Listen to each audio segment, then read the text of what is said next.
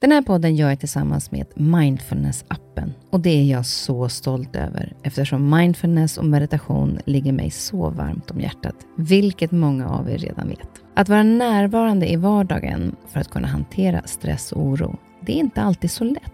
Då kan man ha mindfulness-appen nära till hands för att hjälpa dig när du behöver. För mig kan det vara så till exempel när det gäller sömnen, att vissa dagar då har jag riktigt svårt att komma till ro. Framför allt när det är mycket med jobbet. Då brukar jag använda mindfulness-appen och avsluta dagen med en avslappningsövning för att sänka stressnivån. Det gör det så mycket lättare för mig att somna sen. Oavsett om du kämpar med sömnlöshet, stress eller bara behöver en stund för dig själv så har Mindfulness-appen verktygen för att hjälpa dig att slappna av och sova bättre. Appen är utformad för att passa in i din livsstil med korta övningar som passar även de hektiska schemana. Som lyssnare till Nyfiken på så får ni 40% rabatt på prenumerationen av Mindfulness-appen. Länk till erbjudandet ja, det hittar ni i poddens Instagram, kaspersen nyfikenpa. Eller så går ni in på themindfulnessapp.com kristin. Sluta aldrig att vara nyfiken. Livet har så mycket att lära. Det sa min mamma till mig när jag var liten och det har jag alltid burit med mig och jag har aldrig slutat vara nyfiken. Till varje avsnitt så bjuder jag in en gäst som inspirerar mig på olika sätt och som jag är nyfiken på. Det kan handla om ett ämne, en erfarenhet eller personen i sig. Okända som kända. Att via podden få möjlighet att dela samtalen med er, då hoppas jag att vi ska kunna inspirera er också. Det kan handla om våra drivkrafter, vår hjärna, beteenden, träning, rutiner, att vara ledare oavsett om det är i vårt yrkesliv eller privatliv. Helt enkelt dela upplevelser och erfarenheter och genom det lära och inspireras. I det här avsnittet så har jag bjudit in Melinda Jacobs som var Esmeraldas familjehemsmamma. Esmeralda som även är kallad Lilla hjärtat. I januari fick hon möta den största sorgen då Esmeralda hittades död hos sina biologiska föräldrar. Och jag är nyfiken på hur det kommer sig att hon i tidig ålder så självklart valt att ta emot barn som behöver hjälp och vad det har betytt för henne.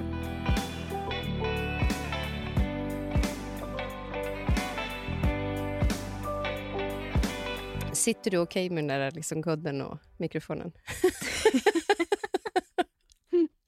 Ja, men det är ju tur att ingen ser en. Ja, men jag. ja nu. exakt. Ja. Men det är rätt mysigt att det är bara du och jag här inne. Ja, jättemysigt ja, har vi. Det har vi. Jag tycker om de här, den här ljusslingan med. Så här.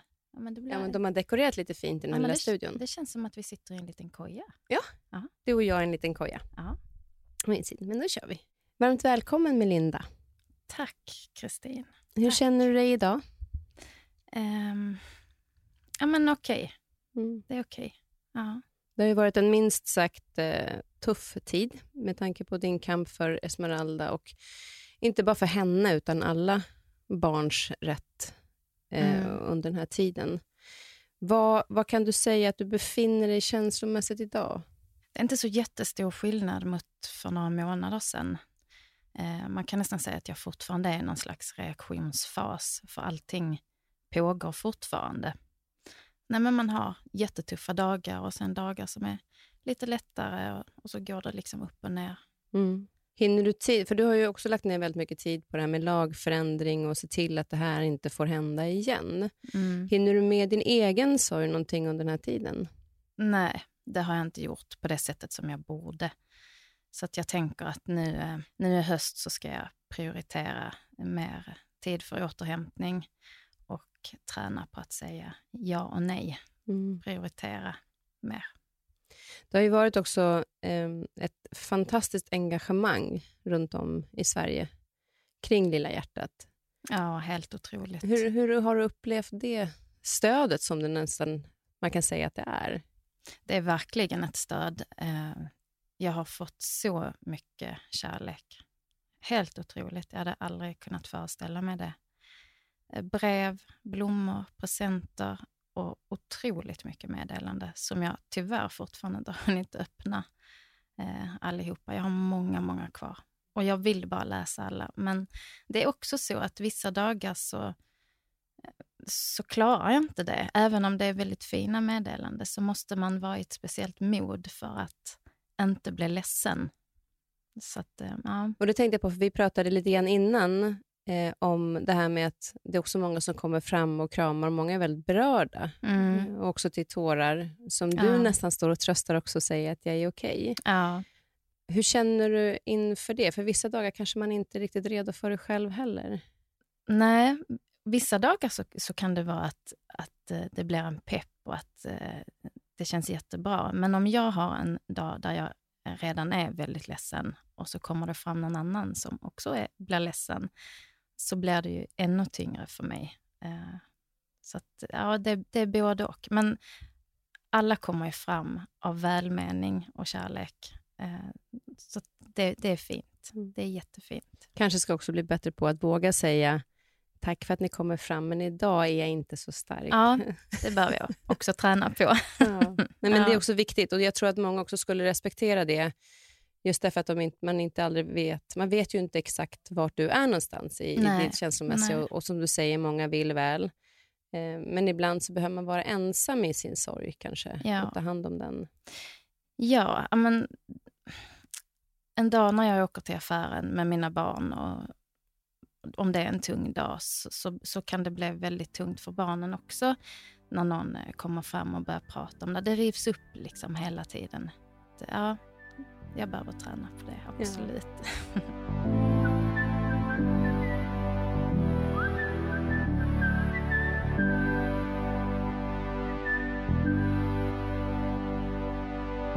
Nu när vi har pratat lite grann om Esmeralda och jag tänkte inte vi ska prata, utan det jag är väldigt nyfiken på det är ju att du har ju hjälpt inte bara Esmeralda från början, utan du har ju hjälpt väldigt många barn Mm. och började väldigt tidigt. Vart kommer det ifrån att du känner att du brinner så starkt för barnen?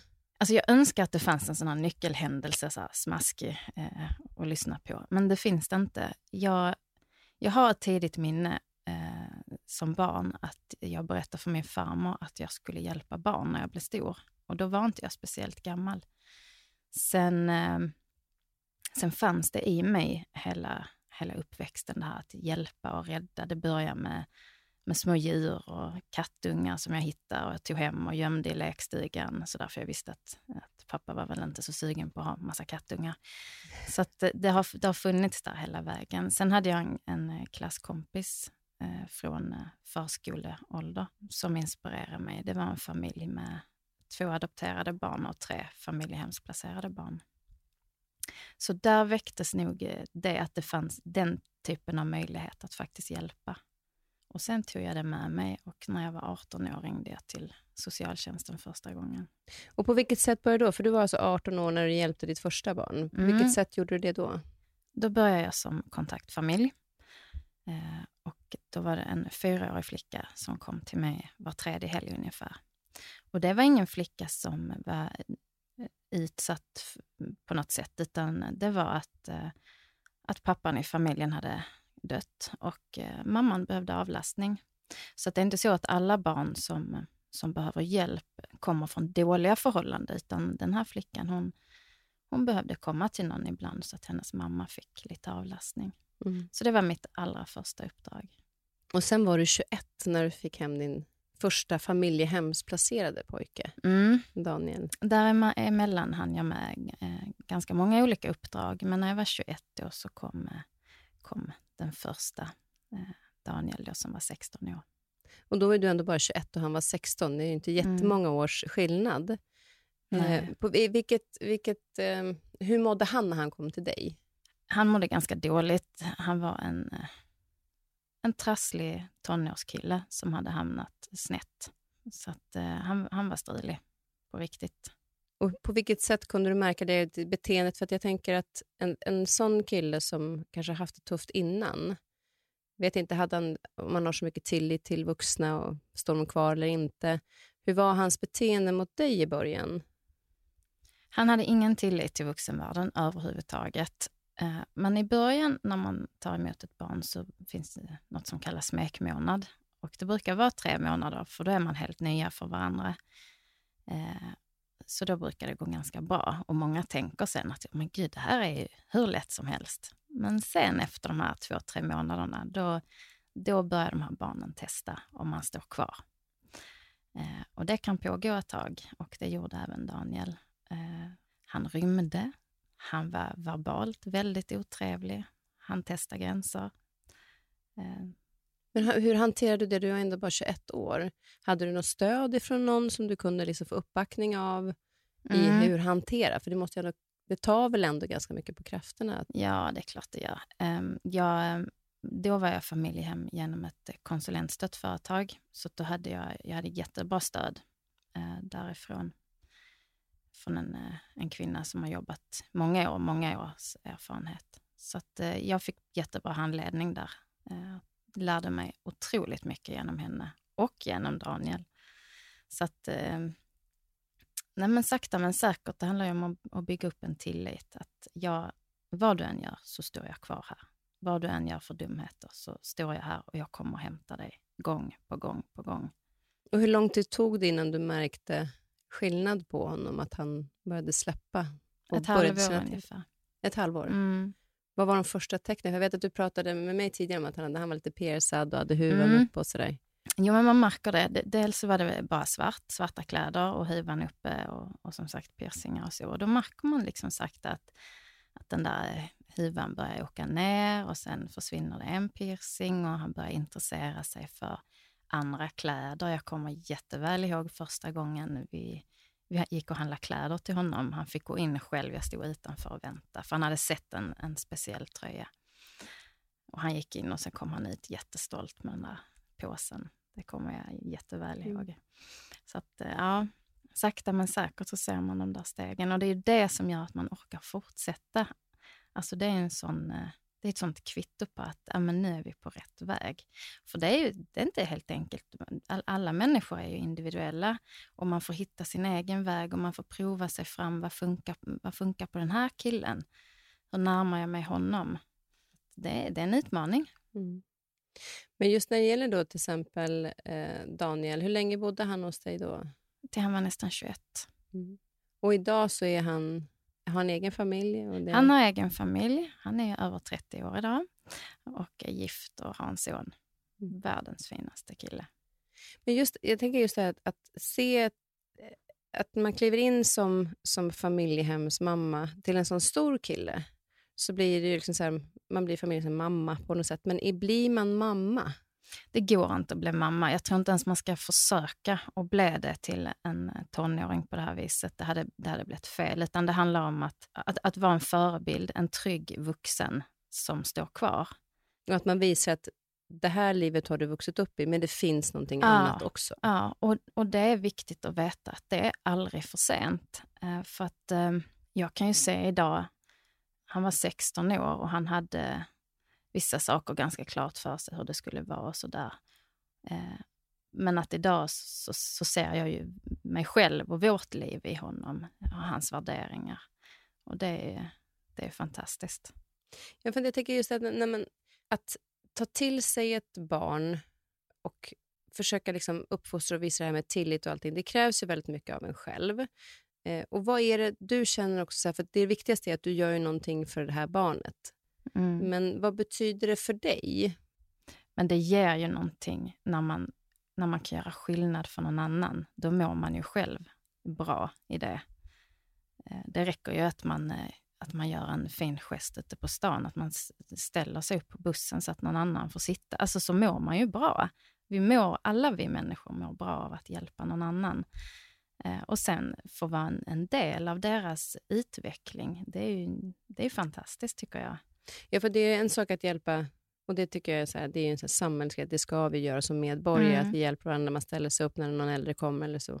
Men det krävs ju enormt mycket också av att någon flyttar hem i sitt eget liv. Som Mm. Livet ser ut på ett sätt innan och sen blir det ju väldigt annorlunda när de kommer dit.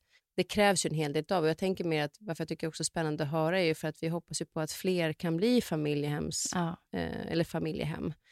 Så, så det är det som är att det är så imponerande, den här uppoffringen, men att man också förstår att det ger en själv mycket också. Ja. Att få... Ja, verkligen.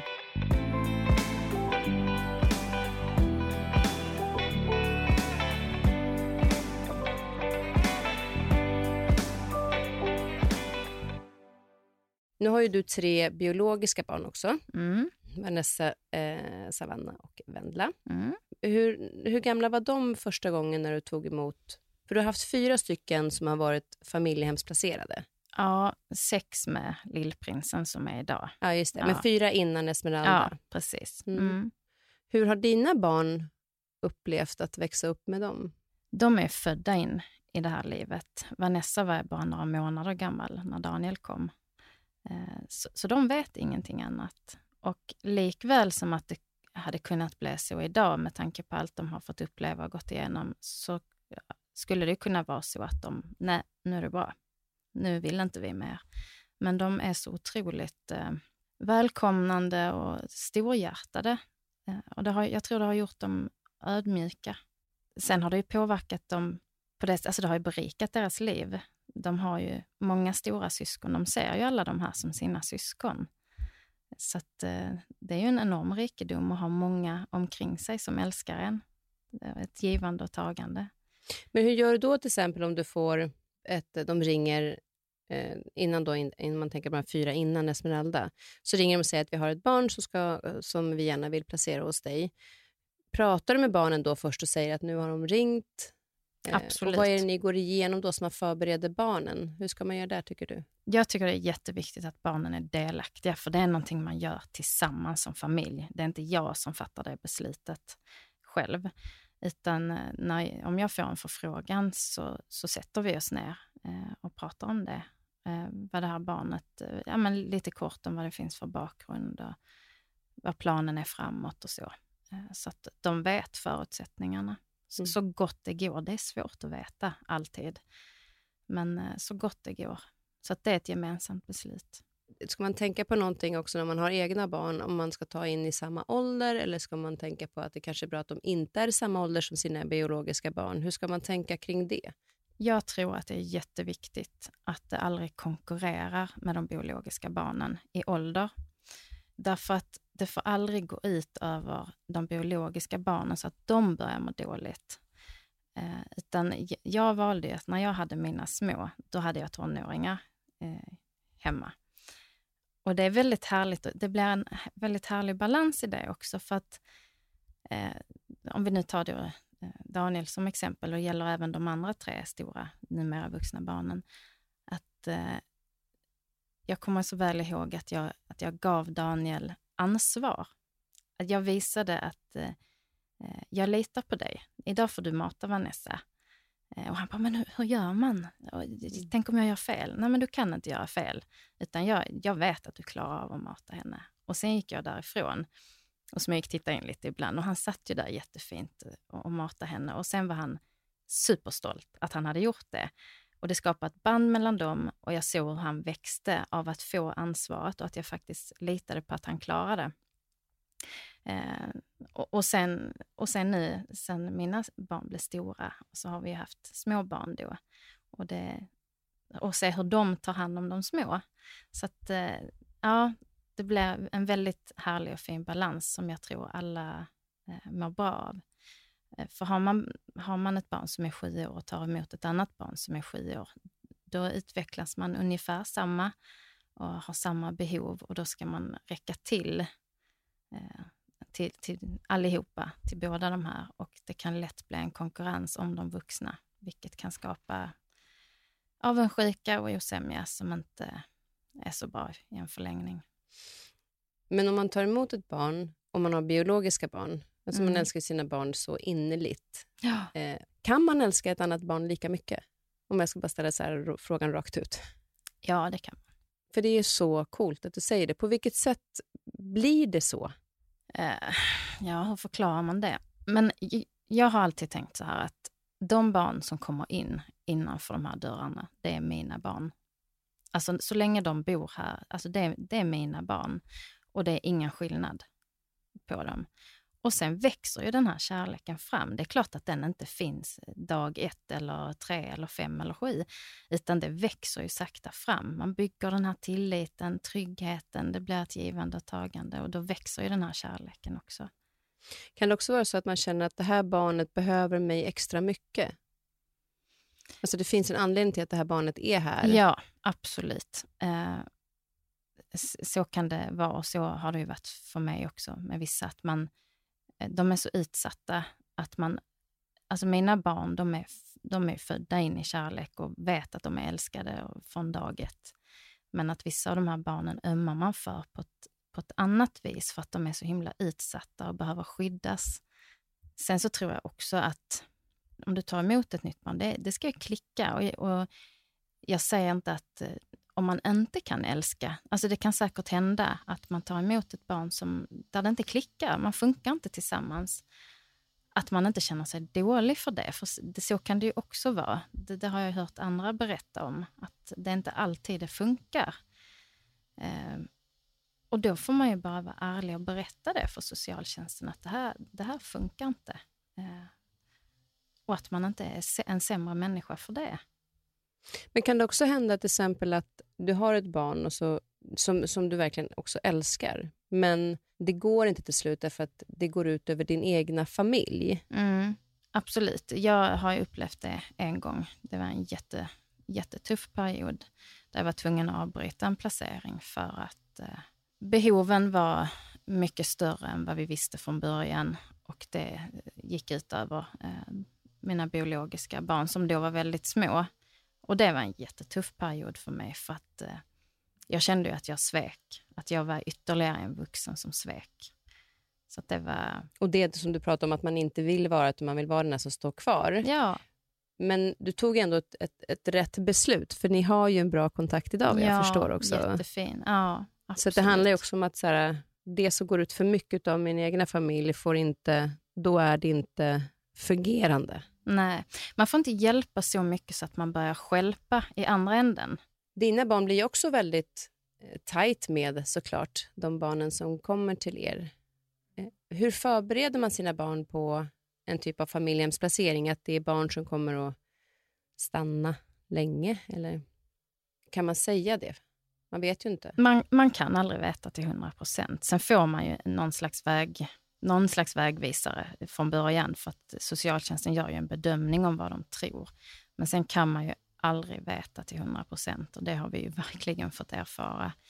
Eh, så det är jättesvårt att förbereda dem. Man, man, kan bara vara så ärlig det går. Jag kan bara ge dem den informationen jag får. Mm. Jag tänker på just som med, med, Esmeralda, och det såg vi också i Sofias änglar, att det var ju som eh, ni var med i familjen, att dina döttrar var ju liksom extremt nära Esmeralda som mm. sin egen lilla syster. Ja. Hur gjorde ni inför när hon kom?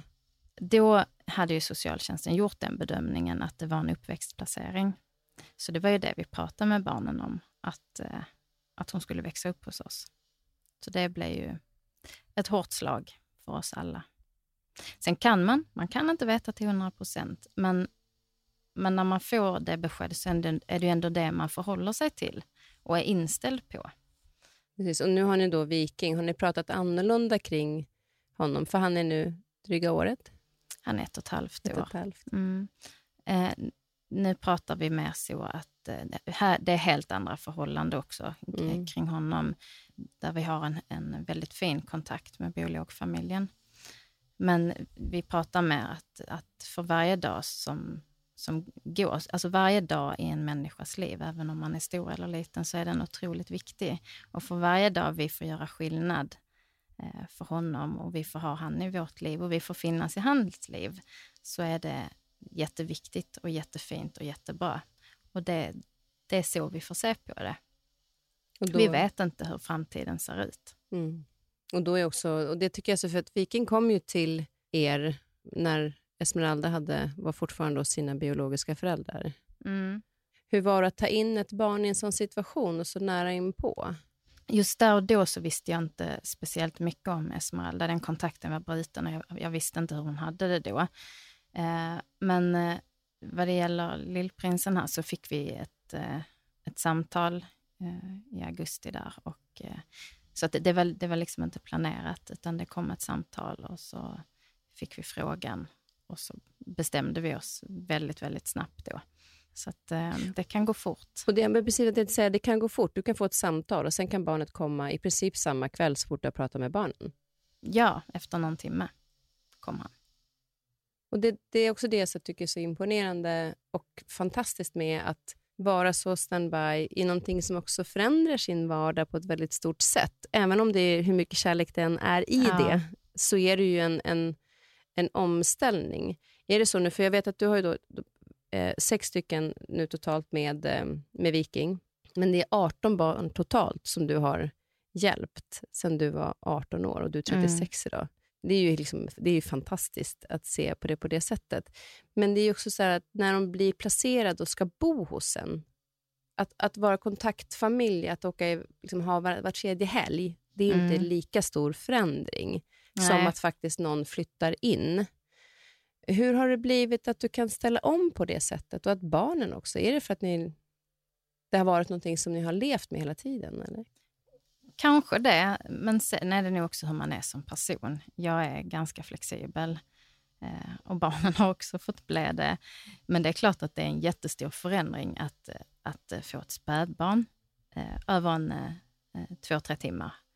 Det förändrar ju livet ganska radikalt. Men eh, det, har inte, det har inte varit någon jä- jättegrej för mig. Jag bara anpassar mig. Så nu är det så här. Nu, får, nu, nu gör vi så här. Och sen gör vi det. Och likadant barnen, de är fantastiska på det viset. Men om man nu skulle vilja bli det, vad tycker du är den bästa vägen att gå? Är det att anmäla sig som familjehemsfamilj eller ska man börja som kontaktfamilj? Jag börjar ju som kontaktfamilj, jag tror ganska många gör det. Eh, För då får man känna på det, eh, hur det är. eh, När det, när det kommer ett barn som man... Du har inte träffat barnet innan, liksom. du har ingen aning vem det är som ska komma. Så att, det är en jättebra början att känna sig för. Men sen är det säkert många också som, som vet vad de vill och de vill bli familjehem och då är det ju bara att börja med det. Och då, hur gör man för att gå tillväga för att bli det? Då kontaktar man socialtjänsten eh, i sin egen kommun eller i någon annan kommun. Jag har alltid valt att ha en, en kommun som ligger lite, lite på avstånd. På vilket sätt har det varit en fördel att inte är den kommunen du är i? Ja, men man kanske inte alltid vill s- springa på biologföräldrarna eh, och jag tror att eh, det inte alltid är bra för barnet. Det river ju upp. Så att, eh, jag tror det är en fördel om det är en, några mil emellan i alla fall. Framförallt för barnets skull. För att det är klart att man, oavsett vad man har varit med om som barn, så i de flesta fall så värnar man om sina föräldrar och man saknar dem eh, och har en kärlek till dem. Och det blir jättetufft att, eh, att mötas eh, på något offentligt ställe. Hur ska man bete sig då som liten? Så, Så det, är en- handlar ju om barnets skull. Det är inte det att du är rädd att springa in i, i de föräldrarna, utan det handlar mer om att barnet inte ska behöva göra det under den tiden det är hos Precis, precis. Och sen, eh, det, det finns ju olika, man har ju olika relationer till de här föräldrarna. Det kan funka jättebra, då är det inga, inga problem. Men det kan ju också vara att, att det är föräldrar som är väldigt besvikna och ledsna. Någon har, samhället har tagit barnen ifrån dem. Och det agget kan ju då gå ut över familjehemmet, Mm. även om inte de har någonting med det beslutet att göra. Och då är det inte heller så bra att, att eh, stöta på Mm. varandra.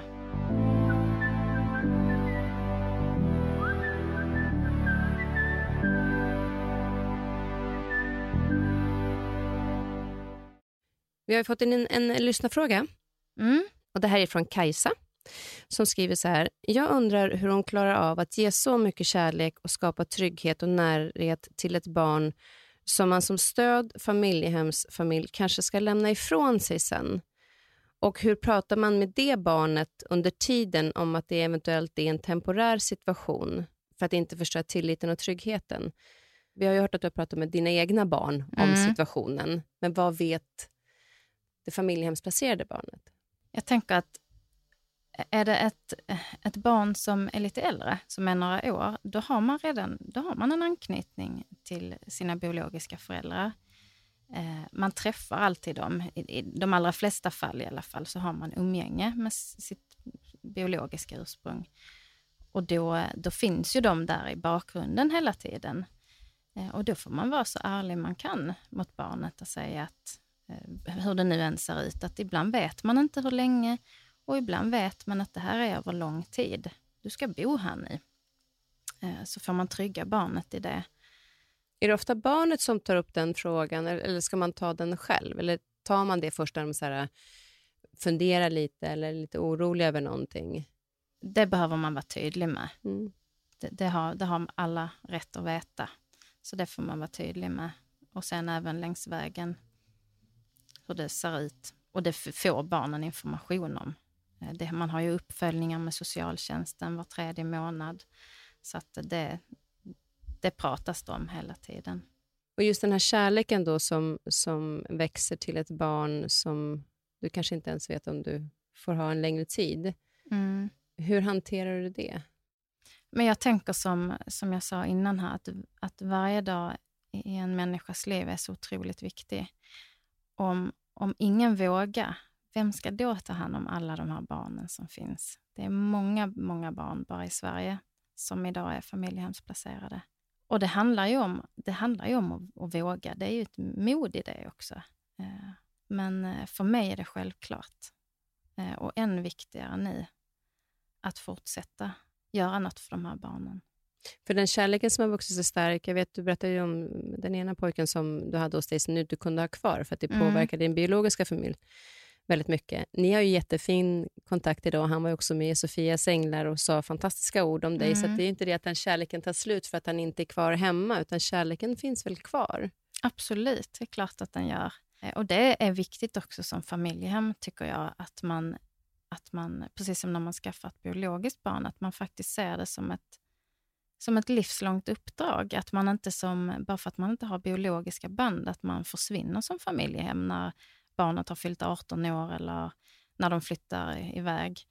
Sen är den, man har ju, det har jag också, jag har mer eller mindre kontakt med de här barnen och det, det är svårt ibland. Alla har, de har sina liv och jag har mitt liv. Men att de ändå vet att man finns där och att man ändå håller kontakten på något sätt. Inför det här så pratade vi Mm. lite grann om den här situationen, hur familjehemssituationen eh, är i Sverige och, och hur många barn som behöver. Mm. Och då sa du du kan i princip välja, Kristin, om du vill ha en pojke eller flicka eller vilken ålder du har, vill ha. För så Ja. många barn behöver hjälp. Ja. Och hur ska vi kunna få ut det och förmedla det? För jag tror inte att folk riktigt förstår det. Jag, jag förstår inte. Jag var ute och, när, efter vi hade pratat var ute och gick på stan och tänkte så här, men är det barn i de här olika lägenheterna runt omkring som far illa? Mm. För du ser ju det. inte det såklart. Nej. Alltså alla kommuner är i behov av familjehem. Det är brist. Det är jättebrist på familjehem. Det är många barn som, som har stått länge och väntat. Och tanken är ju att man som jourfamilj då, är man jourfamilj så tar man ju emot barn akut och sen ska de vidare till ett familjehem. Och där är ju tanken att barnen egentligen bara ska mellanlanda. Men idag är det som brist på familjehem så att det finns barn som bor långt över året i en jourfamilj. Och det blir ju inte så bra i förlängningen för då hinner du knyta an och sen ska du ryckas upp. Så att eh, fler familjehem behövs. Vi Definitivt. pratar mycket om det här med anknytningen som barn gör. Mm. Hur, hur ter sig den till exempel om du tar ett litet barn, för som Esmeralda till exempel, hon visste ju inte att hon hade några biologiska föräldrar för hon var ju så liten när hon kom till dig. Hon var, Mm. vad var hon, nio veckor eller någonting? Sju veckor. Sju veckor. Mm. Så för henne var ju du den enda föräldern egentligen. Ja, det var jag och Lasse då. Eh, det är klart att det är skillnad eh, för de här pyttesmå eh, mot om det är ett barn som, som faktiskt redan har en anknytning och relation till sina biologiska föräldrar. Men hur lång tid tar det innan ett barn anknyter? För du pratar om, det finns ju då kontaktfamilj, det finns jourfamilj och det finns familjehemsfamilj. Mm. Och när man är jourfamilj så ska man ta, hjälper man ett barn som är akut. Ja. Och det, det är såklart säkert olika olika åldrar, men, men hur länge ska de egentligen stanna hos en jourfamilj för att inte anknyta sig för mycket så att det blir ett uppbrott igen? Mm, jag tror fortfarande att man pratar om sex månader. Att det, att det är sex månader man ska vara. Så var det för Jag är lite osäker på vad, vad, vad som gäller just nu. Men en anknytning kan gå väldigt fort. Så ett halvår är ju egentligen också för lång tid. Men det är ju för att man ska hinna göra utredningen under de här månaderna för att se att om faktiskt barnet ska flytta tillbaka hem till sina biologiska föräldrar, vilket, vilket det blir ibland. Så att eh, det är för att man ska ha den Så utredningstiden. det är därför man placerar barn hos jourfamilj först innan egentligen familjehem? Eller är det för att det är svårt att hitta familjehem? Både och. Mm. Både och som jourfamilj så är du ju ibland kontrakterad och det innebär ju att, att, eh, att du ska stå till förfogande eh, när som helst på dygnet. Sen har du semesterveckor och så som, som man har i ett vanligt jobb. Men eh, då, då, kan du få ett samtal när som helst på dygnet och då ska du ha en säng redo. Att det finns ett rum klart för det här barnet. Så så är det att vara, att vara jourfamilj. Mm. Man kan då säga till när man anmäler sig social socialtjänsten vilken typ av familj man vill vara. Ja, absolut. Och eh, tänka på vilket typ av liv lever jag? Ja, och vad jag... passar oss bäst? Ja. Och sen, jag tror många tänker att ja, men, då måste jag sluta jobba och då, att man måste göra jättestora förändringar. Men så är det ju många gånger inte, utan de här barnen behöver komma till helt vanliga familjer där man jobbar, man går på förskola, skola och allt det där. Sen finns det klart fall där man måste vara hemma en period, för, framförallt om det är små barn. Men, men många gånger så, så, fortsätter livet som vanligt fast att du har ytterligare en familjemedlem. Eh, så det är viktigt att veta. Eh, för det har jag förstått att många tror liksom att man, vi måste sluta jobba och sådär. Men, men så är det inte. Och det behövs inte det. För du har ju jobbat på eh, akutpsyk mm. i flera år. Ja, och i där är du perioder. Lite, ja, i perioder. Men de har också varit väldigt bra där, att du får komma tillbaka. Ja, fantastiska. Alltså, att få komma och gå som man själv vill på sitt jobb, typ. Det är få förunnat, tror jag. Så det är jag otroligt tacksam för. Men det, i och med att du också har jobbat på akutpsyk så har du också en del erfarenhet. Det känns som att du på något sätt kan se helheten på ett Absolut. annat sätt. Ja. Med att, eh, en, om det till exempel handlar om droger som föräldrarna håller på med, så har du sett många på akutpsyk som har hållit på med droger. Oh, så ja. att du kan förstå beteendet som kanske barnet har varit utsatt för. Ja, absolut. Om vi kommer tillbaka lite till Esmeralda med dina barn, mm. så var det, det var ju väldigt fint att se eh, Sofias änglar. Jag såg henne alltid som min bästa vän. Det fanns liksom ingen jag älskade mer. Jag älskade såklart mina andra syskon också. Men det var någonting speciellt med henne som man inte liksom kan förklara. Till henne så knöt man an jättehårt och hon blev ju verkligen som som ett helt syskon. Ja, det var helt självklart att hon skulle bo kvar. Man berörs ju enormt mycket den tryggheten som dina biologiska barn har, för de är väldigt uttrycksfulla i sina känslor. Och den, de var väldigt fina och öppna med den sorgen som de känner efter Esmeralda. Hur påverkas de när det här ständigt pågår? Att det liksom inte får något slut?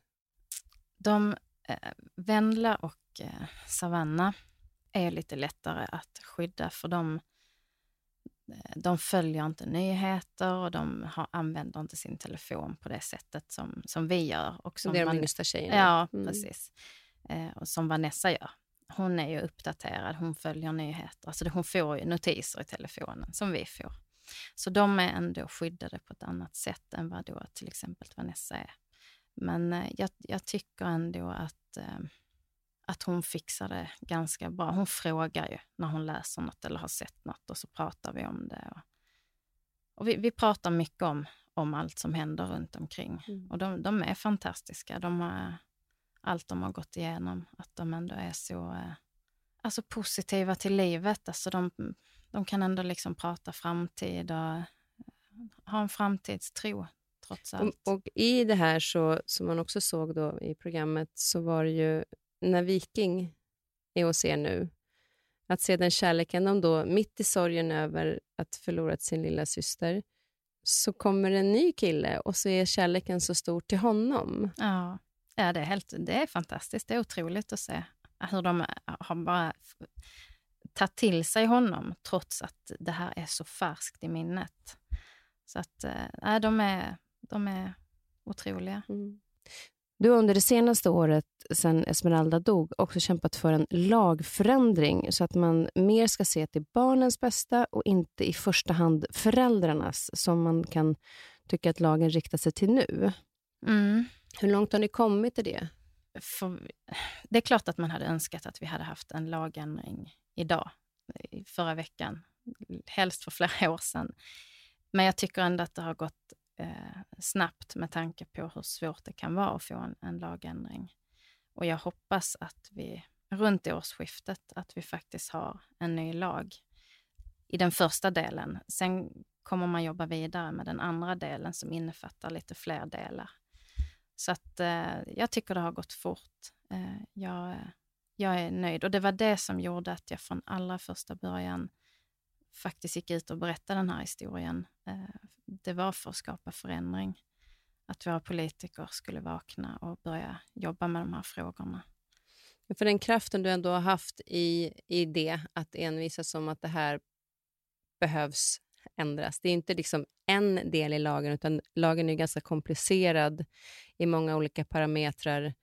Vad är det du själv får kraften ifrån att orka den här perioden? Det är en jättebra fråga. Men... Men, men det, att, att, att skapa förändring, det har ju hjälpt mig otroligt mycket. Annars tror jag jag hade mått mycket, mycket sämre nu.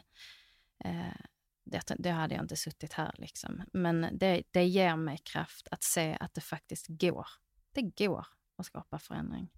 Och när tror du, för att vi, just det här med barnen också, att det är ständigt pågående och det här kommer ju också pågå under hösten. Mm. För att förhandlingarna kommer ju fortsätta. Ja. Hur förbereder du dig för det känslomässigt och mentalt? Jag, jag försöker hitta återhämtning, att ha dagar som är blanka. Dagar när vi bara är tillsammans. Eh, och eh, bara sätta igång en serie och försvinna in i den och släppa allting ett tag. Eh, för att sen möta nästa dag. Det är, det är svårt att förbereda sig känslomässigt för man, man vet inte alltid hur man reagerar. Så det, det är jättesvårt, tycker jag.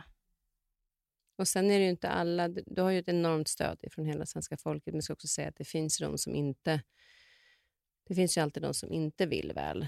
Ja. Och de är ju också viktiga att, att skärma av. Klarar du det? Eller tar du till dig sånt? Det är från dag till dag. Det är återigen hur, eh, hur mentalt stark man är. Hur mycket man har sovit, eh, hur mycket tankar, mardrömmar alltså, som man har haft. Hur stark jag är just den dagen. Vissa dagar berör det mig inte och andra dagar så det är klart att jag kan bli ledsen när det skrivs eh, elakheter om mig. Jag är ju en människa. Så det, det är svårt att inte ta till sig vissa saker. Men framförallt så har du ju dina, dina barn runt omkring dig och eh, den familjen som, som eh, du står så kärleksfullt och starkt i och alla andra barn som du faktiskt också hjälper i det här.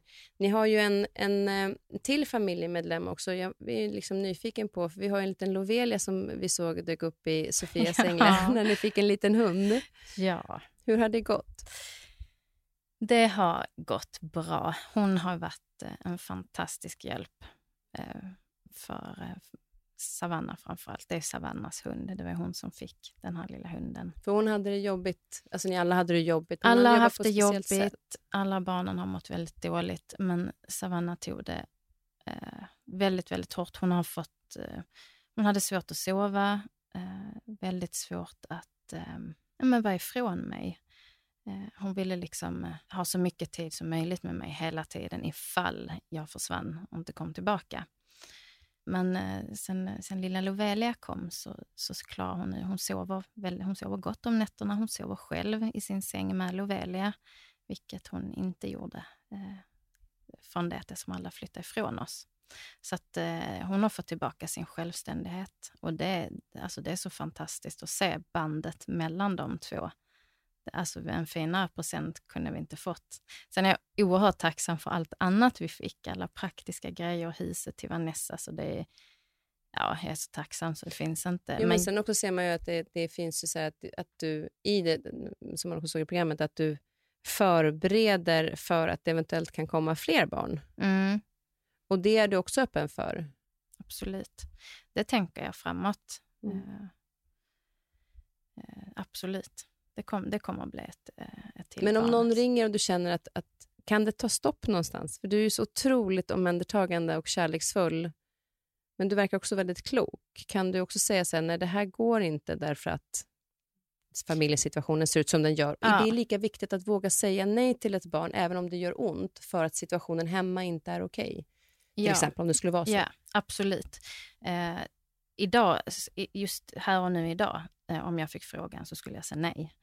Eh, därför att det skulle inte bli bra för någon av oss hemma. Där är vi inte riktigt än.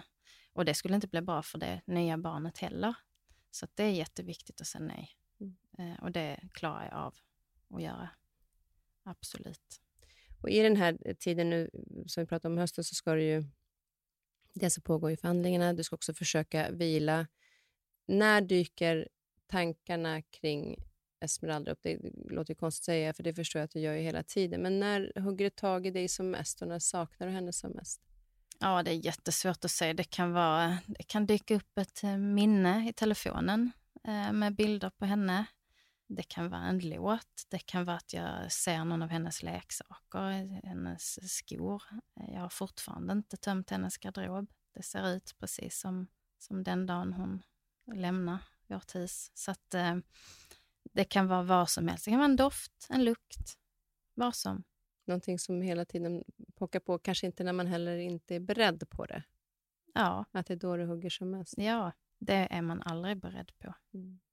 Och i allt det här som du nu gör, från att, att lagförändringar, ta hand om flera barn eh, och finnas där för dina tidigare barn, Ja. så startar du också en förening. Mm. Lilla hjärtat, jag har ett jättefint halsband på mig. Jag kan lägga ut en bild på det sen på Instagram med det halsbandet som heter Lilla hjärtat. Ja. Berätta om det. Ja, vi har startat en förening och tanken med den är att eh, vägleda och hjälpa eh, andra familjehem, kunna bistå med juridisk hjälp i eh, situationer liknande det som hände Esmeralda, att man får juridisk eh, handledning och hjälp. Eh, sen även kunna sätta lite guldkant för familjehem och familjehemsbarnen. Nu eh, råder det ju en pandemi som eh, begränsar eh, många av mina planer, men jag tänker att det, det kommer att ge sig med tiden. Men olika evenemang och, och så. Så att, ja. Ett färg- väldigt litet fint ett silverhjärta och så är det ett litet guldfärgat hjärta inuti det här hjärtat. Och det ska jag säga också att du tjänar ingenting på det här. Nej, För det nej, vill nej, jag att, att folk ska veta. Att Ja. det inte, och det är så som du upplever verkligen att du är. För att du är så... Du skulle aldrig vinna någonting själv på det, utan du vill göra någonting för andra. Och så Ja. är det även med det här smycket. Och det jag tycker Ja. är fint är att det är, väl, det är inte speciellt dyrt. Det kostar, vad är det, 300? 398. Det här, det här hjärtat har vi tagit fram tillsammans med Guldfynd eh, och kommer alldeles snart att finnas ute i butikerna. Och det kostar 398 kronor och 100 kronor per sålt halsband går då till föreningen och de pengarna går ju sen tillbaka till barnen och familjehemmen. Så det är absolut inga pengar som går ner i min ficka Mm. och det hade varit osmakligt. Så att, eh, ja, jag hoppas att så många som möjligt köper Och det är så här fint också tycker jag att det inte är för dy- så dyrt. För att det gör ju att det finns möjligheten för så många som möjligt Ja. att kunna... Eh, och som förälder måste jag säga så är det också väldigt eh, symboliskt tycker jag som Ja. mamma att, att den här, det här eh, hjärtat runt omkring och så har man...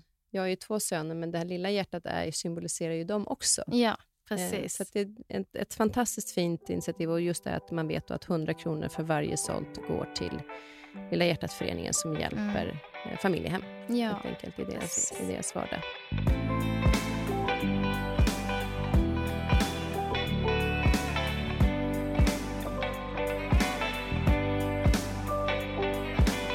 I den här podden så, så gör vi också så att, att gästen också, för det för jag är ju så nyfiken hela tiden, men nu får ju du vara nyfiken. Och du har ju då förberett, jag får ju alltid frågan innan, Mm. ifall det är någonting jag kan hjälpa till med. Och den här gången så handlar det om lilla Lovelia, hunden. Ja, det handlar om hunden. Eh, hon, är, hon är ju lite svår att få rumsren alltså. Och det är en, vad är det för hund? Det är en fransk bulldog. Hon är född i mars, så hon är ju nu... Hon är snart ett halvår. Jag ska säga april, ma, april, maj. Ja, ett halvår. ett halvår. Eh, och hon, vissa dagar går det jättebra och sen andra dagar så kan man ha varit ute och gått med henne en promenad och sen går hon in och sätter sig på mattan och kissar. Och då kan man ju bli lite frustrerad och tänka, ja, vad gör vi nu? Man tränar tålamodet. Om inte annat. Ja. Jag har ju själv en hund, Mm. men jag är ju sån otrolig nybörjare på hund. Eh, jag kommer inte ens ihåg hur det blev att min hund blev rumsren till slut. Eh, så att jag är verkligen ingen expert på det här området. Eh, jag kontaktade däremot då en eh, tjej som heter Kiki Felestenius som eh, tidigare hade en podd som heter Glada jyckar som jag var med i. Och hon är hundpsykolog och hundbeteendevetare. Hon har nu startat en ny podd som heter Hundpodden med Kiki och Fanny. Och hon har spelat in ett litet kort svar. Hon sa att det är lite svårt att spela in så här kort, men hon har förlängt det lite med lite text. Ja, vi ska lyssna spännande. på... Vi ska se vad hon säger här. Hej Melinda! Tusen tack för din fråga angående rumsrenhetsträning. Det handlar i praktiken om två saker. Dels att valpen ska mogna rent fysiskt så att den klarar av att hålla sig allt längre tid och dels att den ska förstå själva konceptet att vara rumsren. Och när det gäller förståelsen för konceptet så är det viktigast att se till att valpen så ofta som möjligt gör rätt, det vill säga kissar utomhus.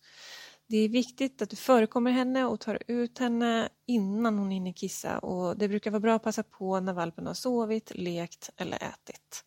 Så ta henne till en lugn plats ute så att hon klarar av att koppla av och göra ifrån sig och beröm henne lugnt när hon gör det. Och skulle det råka ske en olycka inne så ska du inte göra någon sak av det utan eh, torka bara lugnt upp det och fundera på hur du kan förekomma henne nästa gång. Det handlar helt enkelt om att samla vikter i rätt vågskål och undvika vikter i fel. Det vill säga försöka att under en period ha så bra koll på henne så att hon alltid kissar ute och aldrig inne. Då kommer till slut vågen väga över åt rätt håll så att ni kan börja koppla av lite mer igen. Lycka till! Du har säkert gjort en del av de här sakerna som hon säger. Ja, Ja. fast det, det, det kändes ändå, vi, vi har gjort ungefär så, men det känns ändå skönt att höra att, att det, det kanske kommer. Mm. Hon kanske är lite, lite omogen. Det jag såg här också, för hon skickade då lite extra punkter för att just det här att det, det kan ta lite tid, Mm. man får ha tålamod. Vi pratade, du pratade om att hon kissar på mattan. Mm. Här är också ett förslag att ta bort mattorna. Vi pratade faktiskt om det igår du och jag när vi träffades. Ja, det är, ju, det är ju mitt eget fel, Att- givetvis. Att det, det kan ju vara lite bökigt, men de tyr sig ofta då till mattan eftersom de Mm. tänker på gräs och då gör det också kanske lite lättare. Och det står så här, lägg tidning i hallen. Jag vet, jag gjorde det med min hund. ja. Alltså hon kissar ju aldrig på tidningen, hon kissar ju vid sidan av. Men Ja. hon gjorde ju då, däremot, jag vet inte om det, nu låter det hemskt när jag säger asfaltshund, men vi bor ju mitt i stan. Ja. Men hon kissade ju aldrig på mattan, hon kissade ju alltid på parketten. Jag vet inte om det var för att hon, hon var så van vid ehm, just vid, vid asfalten då. Men, men just det att hon, i och med att hon går på mattan så kan ju det vara bra, för då hittar hon ju inte. Och sen så skrev hon också att det kan vara bra ibland att gå på samma, att hon kissar, försöker kissa på samma ställe Mm. ute. det gör vi. Ja, ni gör det också? Exakt ja. Ja. Så att jag tror att det mer handlar om då att, att ha lite tålamod. Ni är på rätt väg. Hon är sex månader och jag pratade med en kompis som hade en, en lika gammal valp och där händer det olyckor fortfarande också. Så det kanske Ja. inte är helt... Eh, Det kanske inte är helt ovanligt. Jag har, jag har hört att mindre hundar kan vara lite, lite svårare. mm. Så att, eh, men just nu så, så är jag hemma mycket. Så att, eh, ja, vi, vi kämpar på. Det är en helt fantastisk hund på, Mm. på alla andra vis. Otroligt eh, kärleksfull. Och, ja, men det är en hund som passar så himla bra i en barnfamilj. Eh, ja, jag är, jag är Men det är väldigt speciellt det med hundar. Jag var ju hundrad innan jag skaffade hund. Mm. Och många av mina kompisar säger, vad var det som hände? Ja, det kan man ju. kan man undra. Ja. Men, men det, och jag hämtade ju henne faktiskt precis efter begravningen med min mamma. Och då, att den kärleken som hon fyller Ja. i livet, trodde, när jag har hört folk prata med sina hundar och varit lite så här, men jag bara, men det är en hund, kom igen. Och så sitter man och nästan behandlar henne som ett barn. Jag. Ja. Men, men det, det blir en, och också nu under pandemin så har jag ju varit varannan vecka själv när jag inte har min son. Att få den där närheten Ja. är fantastisk av en sån liten varelse. Nu ligger hon till och med här nere vid mina fötter och sover. Ja. Och hur intelligenta de är.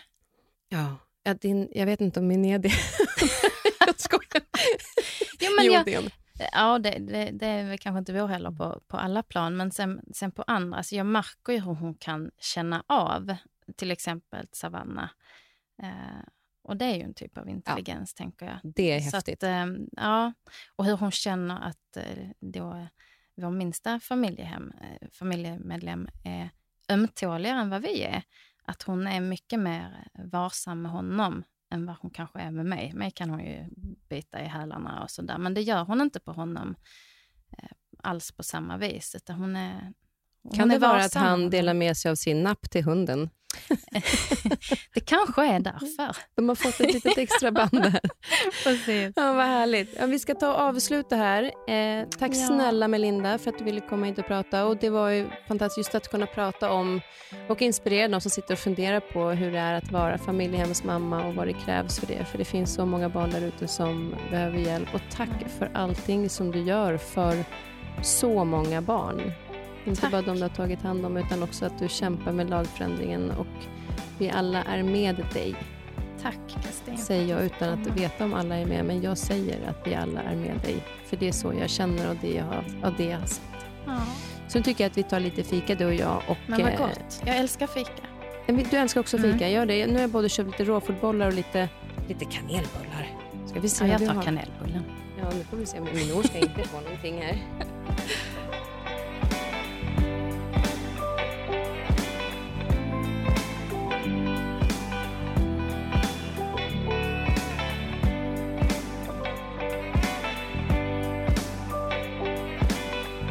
Den här podcasten är producerad av Perfect Day Media.